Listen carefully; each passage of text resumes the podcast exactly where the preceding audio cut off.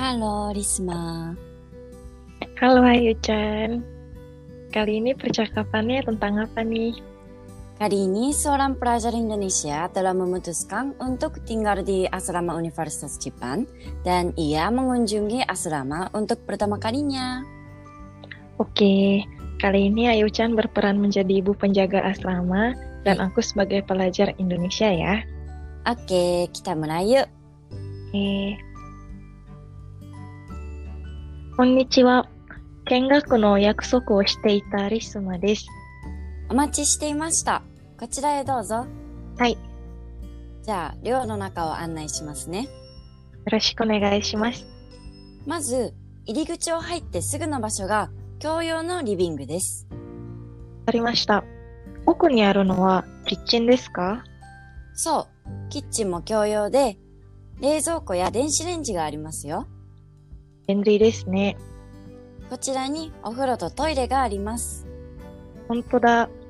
洗濯機もありますね。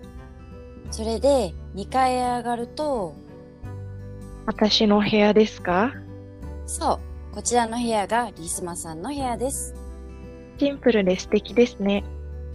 寮の決まりはパンフレットに書いてあるけど、先輩たちも教えてくれるから、安心してきてね。ありがとうございます。入寮するのがお楽しみです。Selanjutnya, kata-kata yang perlu diingat adalah 見学、 kunjungan, 約束、 janji, どうぞ、 silakan, 共用、 fasilitas untuk digunakan bersama, 冷蔵庫、 kulkas, お風呂、 kamar mandi, 洗濯機、 mesin cuci, 上がる、 naik, 決まり、 aturan, 入寮。 masuk atau pindah asrama. Bagaimana teman-teman? Bisa dipaham tidak ya? Rata-rata universitas di Jepang pasti menyediakan asrama ya. Iya Risma, Eh, biayanya tinggal di asrama biasanya lebih murah daripada menyewa apartemen sendiri ya. Hmm, sepertinya begitu ya. Tapi dulu nih, temanku tinggal di asrama yang dekat kampus di salah satu universitas swasta di Tokyo. Dia tinggal sekamar berdua, biayanya sebulan sekitar 48.000 yen atau 6,5 juta rupiah. Dan kalau tinggal di apartemen yang lumayan jauh dari kampus, biayanya bisa 50.000 yen atau setara 6,8 juta rupiah ke atas ya. Keduanya mahal ya. Iya bener banget. Tinggal di apartemen yang jauh dari kampus aja masih mahal.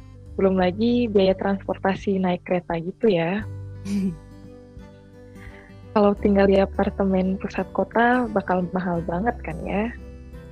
Kalau mau menghemat, pasti lebih baik tinggal di asrama sih. Dan kalau asrama universitas negeri atau asrama us- universitas yang ada di prefektur lain, pasti jauh lebih murah dari itu ya.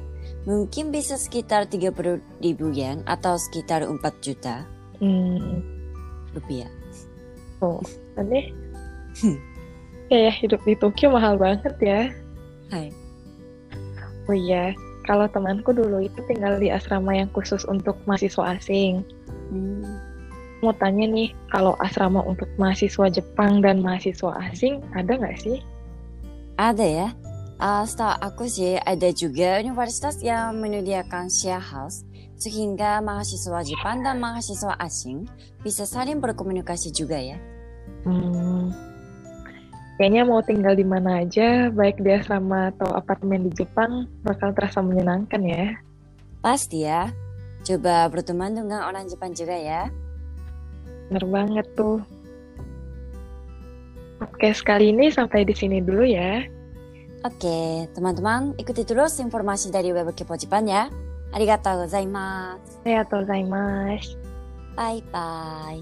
Bye-bye.